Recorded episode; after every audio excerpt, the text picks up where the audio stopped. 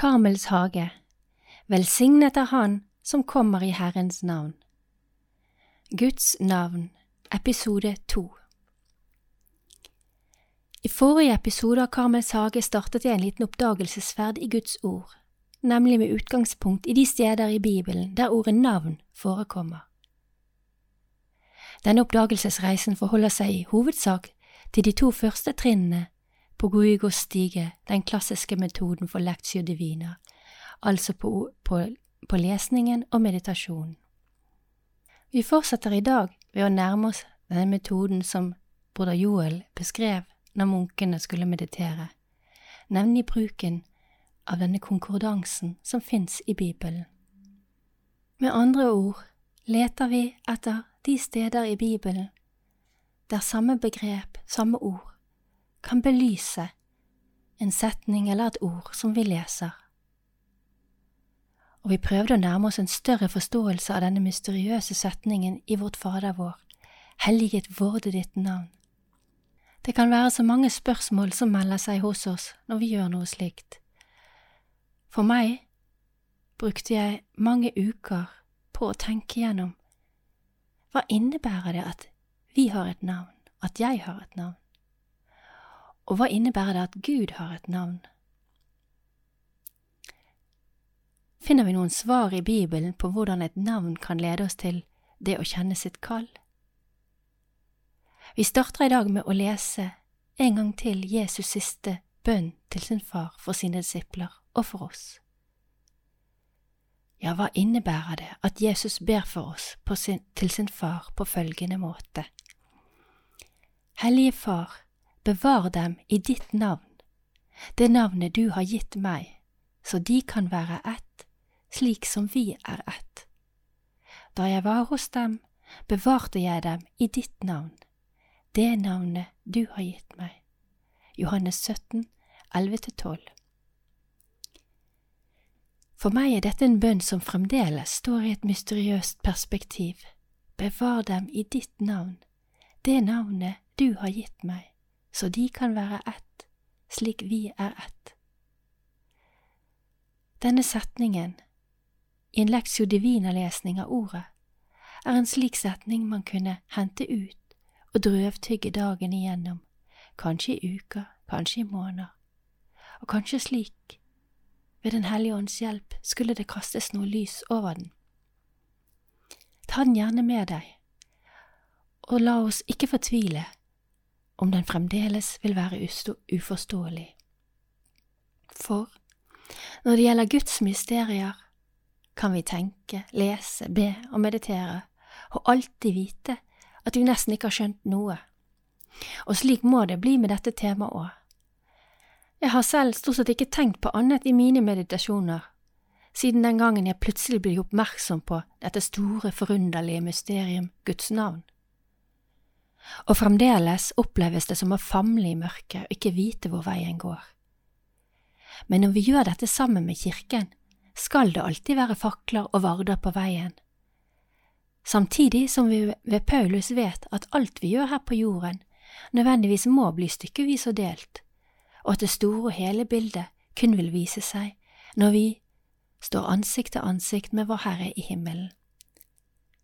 Så hva har Kirken gitt meg disse to dagene hvor jeg har prøvd å sette ned noen ord til dere i denne podkasten, som kan være fakler på min vei? Dette skjedde i slutten av august i 2022. Og senest denne morgenen, da jeg skriver dette, leste jeg følgende bønn i breviaret. For ditt navns skyld, vend deg ikke bort fra oss, kom din pakt i hu for ditt navns skyld. Hva betyr så det, da? God og nådig som Herren er, ga Han sin kirke allerede dagen før, i den første lesning i Den hellige messe, en ledetråd. Og hvorfor ikke starte dagens meditasjon der? Den er hentet fra Esekiel kapittel 36, og vi leser det i messebokens oversettelse. Vi starter med vers 23. Så sier Herren, jeg vil hellige mitt store navn, som er vanhellighet blant folkene, der dere vanhelligete blant dem. Dette er et løfte. Og så forklarer Herren hvordan. Han sier, Folkene skal få kjenne at jeg er Herren, sier Herren Gud, når jeg like for deres øyne viser min hellighet på dere. Jeg henter dere fra folkene og samler dere fra alle landene og fører dere hjem til deres eget land. Og jeg vil øse rent vann på dere så dere blir rene. Fra all urenhet og alle de avskyelige avgudene renser jeg dere. Jeg vil gi dere et nytt hjerte og la dere få en ny ånd inne i dere. Jeg vil ta steinhjertet ut av dere og gi dere et hjerte av kjøtt i stedet. Min ånd vil jeg gi dere, og jeg vil få dere til å følge mine forskrifter og holde mine bud, så dere gjør etter dem. Da skal dere bo i det landet jeg ga deres fedre. Dere skal være mitt folk, og jeg skal være deres Gud. Igjen, her kunne vi avsluttet dagens meditasjon og bare tatt til oss dette utsigelige løftet fra Herren til sitt folk, det folk som satt i fangenskap i Babylonia, og som Herren sendte Esekiel til å refse og undervise, og som han altså her lover å forbarme seg over.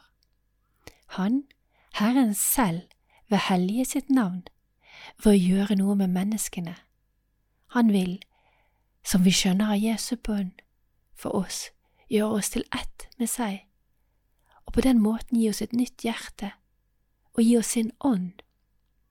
Og vi skal til gjengjeld følge hans forskrifter og bud og være hans folk.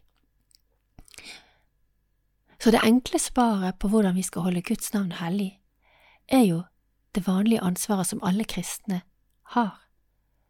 På hans folk skal hans navn holdes hellig og lyse i verden. Og hvordan skal det skje? Ved å holde oss i Guds nærhet gjennom sakramentene, ordet og bønn, og gjøre Hans vilje overfor vår neste, og la Ham forvandle oss. Og først da kan vi holde de forskrifter og bud Han gir oss, og hellige Hans navn.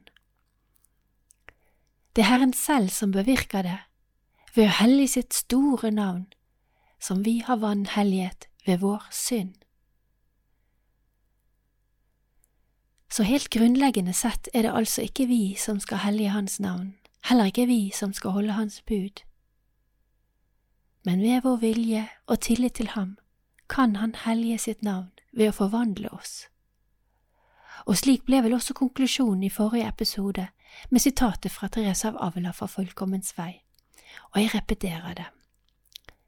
Men siden Hans Majestet så at vi verken kunne prise eller hellige, heller ikke opphøye eller herliggjøre, dette vår evige Fars hellige navn, på noen passende måte, på grunn av det ørlille vi selv er i stand til å gjøre, så sørget han for oss ved å gi oss sitt rike her på jorden. Det er derfor Jesus satt disse to bønnene etter hverandre. Og i dag skal vi se litt nærmere på hvordan mennesker og dyr fikk navn gjennom de første kapitlene i Første Mosebok. Vi ber sammen. Kom, Hellige Ånd, fyll dine troendes hjerter og tenn i dem din kjærlighetsild.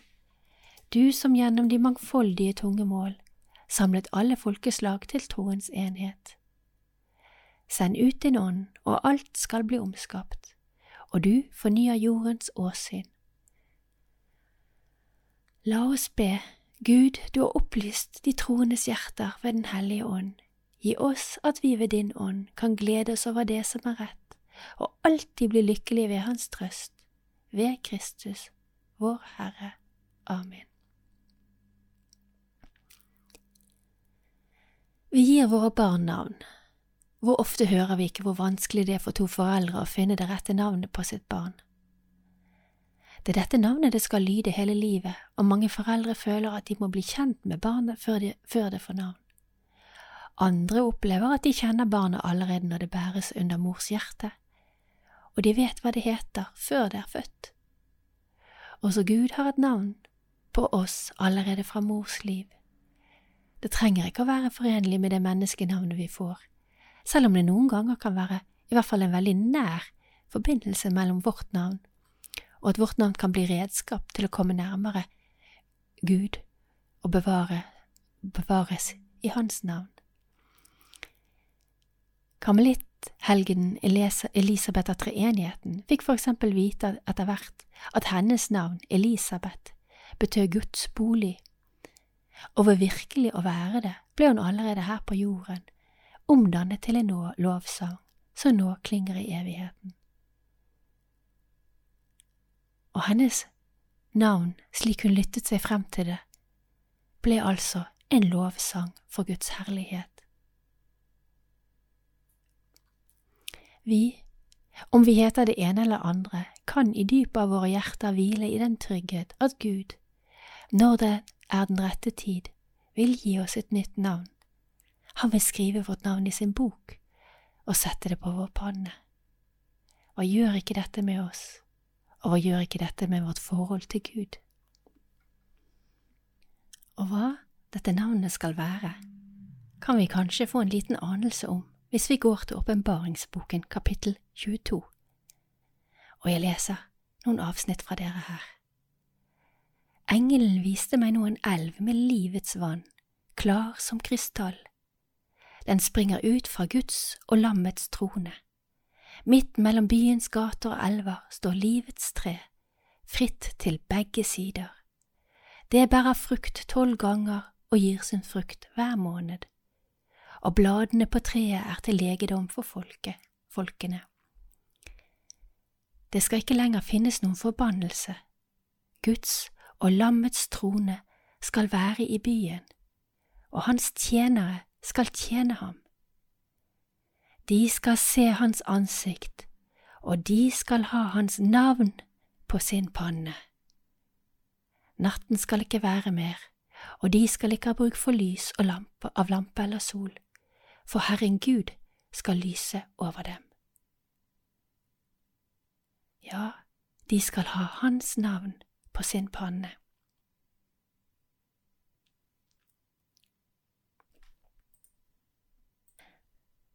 En av de mest fremtredende og triste heresier i vår kultur er påstanden fra så mange hold at om nå Gud skulle eksistere, så er han ikke så mye å skryte av, for han skapte denne verden med all sin elendighet, og så forlot han oss her og bryr seg ikke lenger om oss. Ja, det må jo være helt opplagt når vi ser rundt oss. ofte hører vi ikke versjoner av denne heresien. Som ikke annet så kanskje disse betraktningene, selv om jeg ikke skulle nå så veldig dypt inn i mysteriet, kunne tilbakevise denne heresien gjennom Guds eget ord helt fra opphavet av. Det er tre spørsmål som har ligget i bakhodet hos meg denne tiden, og jeg kommer nok ikke til å besvare de direkte, men kanskje dere kan selv meditere over de videre i hverdagen og i tiden som kommer. Det første spørsmålet som vi skal begynne å snakke om i dag, er hva betyr det at Gud har et navn, og at vi har et navn? for vår identitet. Det andre spørsmålet er hva betyr det å ha et navn for den relasjon det er mellom den som gir navnet og den som bærer det? Og hva betyr det å ha et navn for det oppdraget vi er satt til å utføre? Henger navnet sammen med oppdraget? I dagens meditasjon kommer vi kanskje inn på både det første og det andre spørsmålet i noen grad. Vi starter med å nøste ved å gå tilbake til skapelsesberetningen. Les gjerne hele for deg selv om du har tid. Ofte tenker vi at noen beretninger kjenner vi da så godt, og at det nesten ikke er nødvendig å lese dem om igjen, men så åpnes jo våre øyne for andre aspekter, og vi kan lese den kjente og kjære skapelseshistorien med helt andre øyne.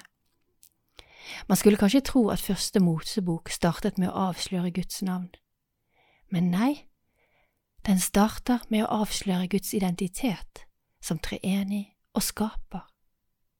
Men ikke noe navn. Nei, ikke ennå. Faktisk, Vi leser først om det å gi navn når mennesket er skapt, og da er det ikke Guds navn som nevnes. Gud lar mennesket gi alt som er levende navn. Og vi kan lese fra Første Mosebok. Mennesket ga, ga navn til alt fe og til himmelens fugler og til alle villmarkens dyr. Før det har vi jo fått høre at Gud sa til menneskene, For dere skal råde over fisken i havet, over fuglene under himmelen og over alle dyr som det kryr av på jorden. Første Mosebok 1.28 Så Gud lar, idet han skaper mennesket i sitt bilde, utøve retten til å gi de forskjellige skapninger navn. Selv kaller han oss menneske, og ikke noe mer. I den andre skapelsesberetningen får vi igjen høre litt mer om et navn. Det skjer etter at han hadde latt det første mennesket falle i dyp søvn, og Gud skapte kvinnen fra hans ribbein. Og da utbryter mannen. Nå er det bein av mine bein og kjøtt av mitt kjøtt. Hun skal kalles kvinne, for av mannen er hun tatt. I vår note til teksten her kan vi lese at det er et ordspill på hebraisk, der mann heter ish og kvinne heter isha. Disse ordene blir brukt i en form også om mann og kone. Her skulle nok noen med kunnskap om hebraisk kunne fortelle oss mye mer. Men for vår meditasjon kan vi foreløpig tenke at det å få navn er noe man får av andre, noen som står over oss og har ansvar for oss, og som respekterer og elsker oss. Jeg setter det i spørsmålstegn, fordi jeg begynte å lure på om mennesket virkelig respekterer og elsker dette vakre skaperverket med alle sine dyr og planter og vekster, og de mennesker som vi har rundt oss, skapt i Guds bilde, med Hans navn på sin panne. Det å få navn forteller oss noe om hvor vi kommer fra og hvor vi hører til, så utrolig grunnleggende. Men foreløpig har vi ennå ikke talt om egen navn. Vi hører i denne delen av beretningen ikke om at Gud kaller på sine mennesker ved egennavn. Vi hører at han laget to typer mennesker som skulle være sammen, for som han sa, det er ikke godt for mennesker å være alene. Jeg vil lage en hjelper av samme slag.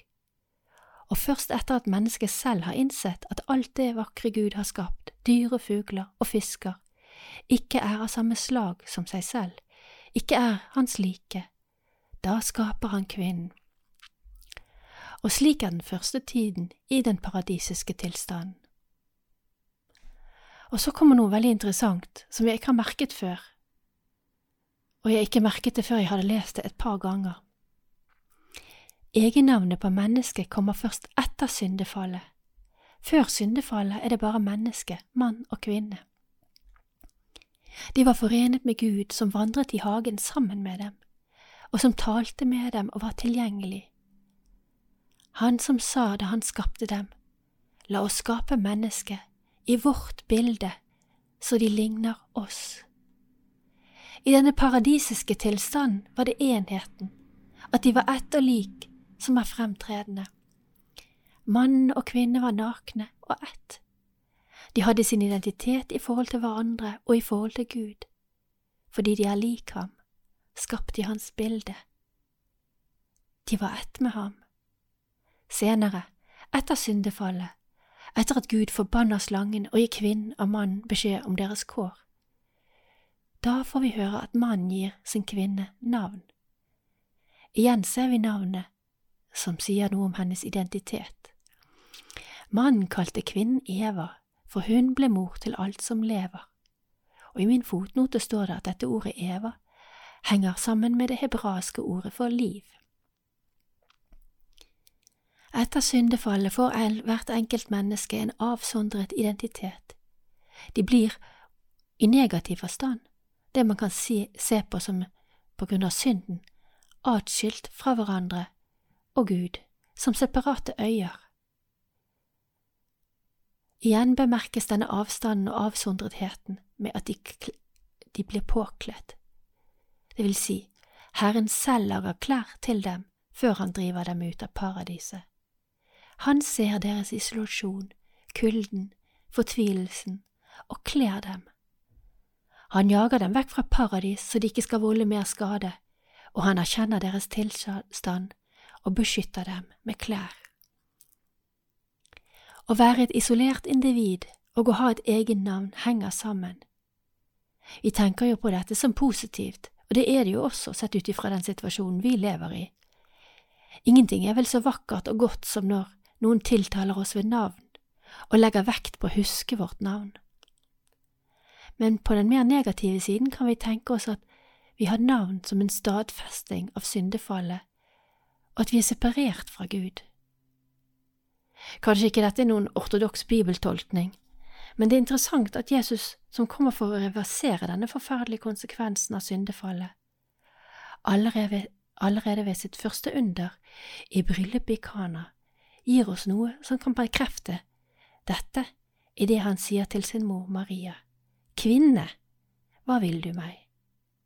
Istedenfor å tiltale henne som Maria eller mamma dette fører i hvert fall mine tanker tilbake til denne enhetens paradisiske tilstand, der egennavnet ikke var nødvendig. Kvinne Maria blir her stående som den, motsvar, som, den som motsvarer syndefallet. Den uten synd som skal fortelle oss om hvilken tilstand vi er kallet tilbake til, og som vi lengter etter. Faktisk er dette ganske interessant når vi også samtidig tenker på praksisen i klostrene, der for eksempel Benedikts regel uttrykker at man ikke skal tiltale munker og nonner med egennavn, men som søster, bror og sine overordnede som priorinne eller abbed. I Karmel, for eksempel, blir priorinnen kun tiltalt som det, priorinne. Jo, det er respekt for hennes plass, noe som vi også kan lese om i noten der Jesus tiltaler sin mor med kvinne. Men denne respekten er noe som er enda dypere og fører oss inn i dette store paradisbildet. En som tiltales som priorinne, bror eller søster, forventes å legge seg selv og sin egen vilje og identitet til side, sine egne preferanser til side, for å arbeide for en himmel på jord i fellesskap, skapene. Alle klostre, enten de er kontemplative eller aktive, søker jo dypest sett å virkeliggjøre denne paradisiske tilstanden, der det var en naturlig enhet menneskene seg imellom, og sammen med Gud. Den paradisiske tilstanden er et sted der tanker som jeg og meg, jeg vil, jeg tenker, jeg mener, jeg liker, jeg liker ikke, det er en tilstand der disse ordene ikke eksisterer. Her kan vi nok kunne meditere lenge og vel videre i vår bibellesning og våre liv. Om jeg skulle ha introdusert noen mismodige bilder for dere nå, når vi har snakket om vårt eget navn, så vil jeg gi dere noen trøstens ord fra Jesaja før vi avslutter i dag. Gud kaller oss ved navn, og han kaller oss ikke som en masse. Han ser hver enkelts menneskeverd og møter oss der vi er. Vi husker jo alle hvordan han ropte på Samuel, Lytt nøye etter om ikke Gud også skulle kalle deg ved navn, og vise deg helt spesielle oppgaver for Hans rikes komme her på jorden. Og vi leser fra Jesaja 34. Jeg gir deg skatter som er skjult i mørket, og rikdommer gjemt på hemmelige steder, for at du skal kjenne at jeg er Herren, som kaller deg ved navn, Israels Gud for min tjener Jakobs skyld, for Israel min utvalgte, kaller jeg deg ved navn. Jeg gir deg hedersnavn, ennå du ikke kjenner meg. Og fra Jesaja 43. Og nå sier Herren, som skapte deg, Jakob, som formet deg, Israel. Vær ikke redd, jeg har løst deg ut jeg har kalt deg ved navn, du er min. Amen.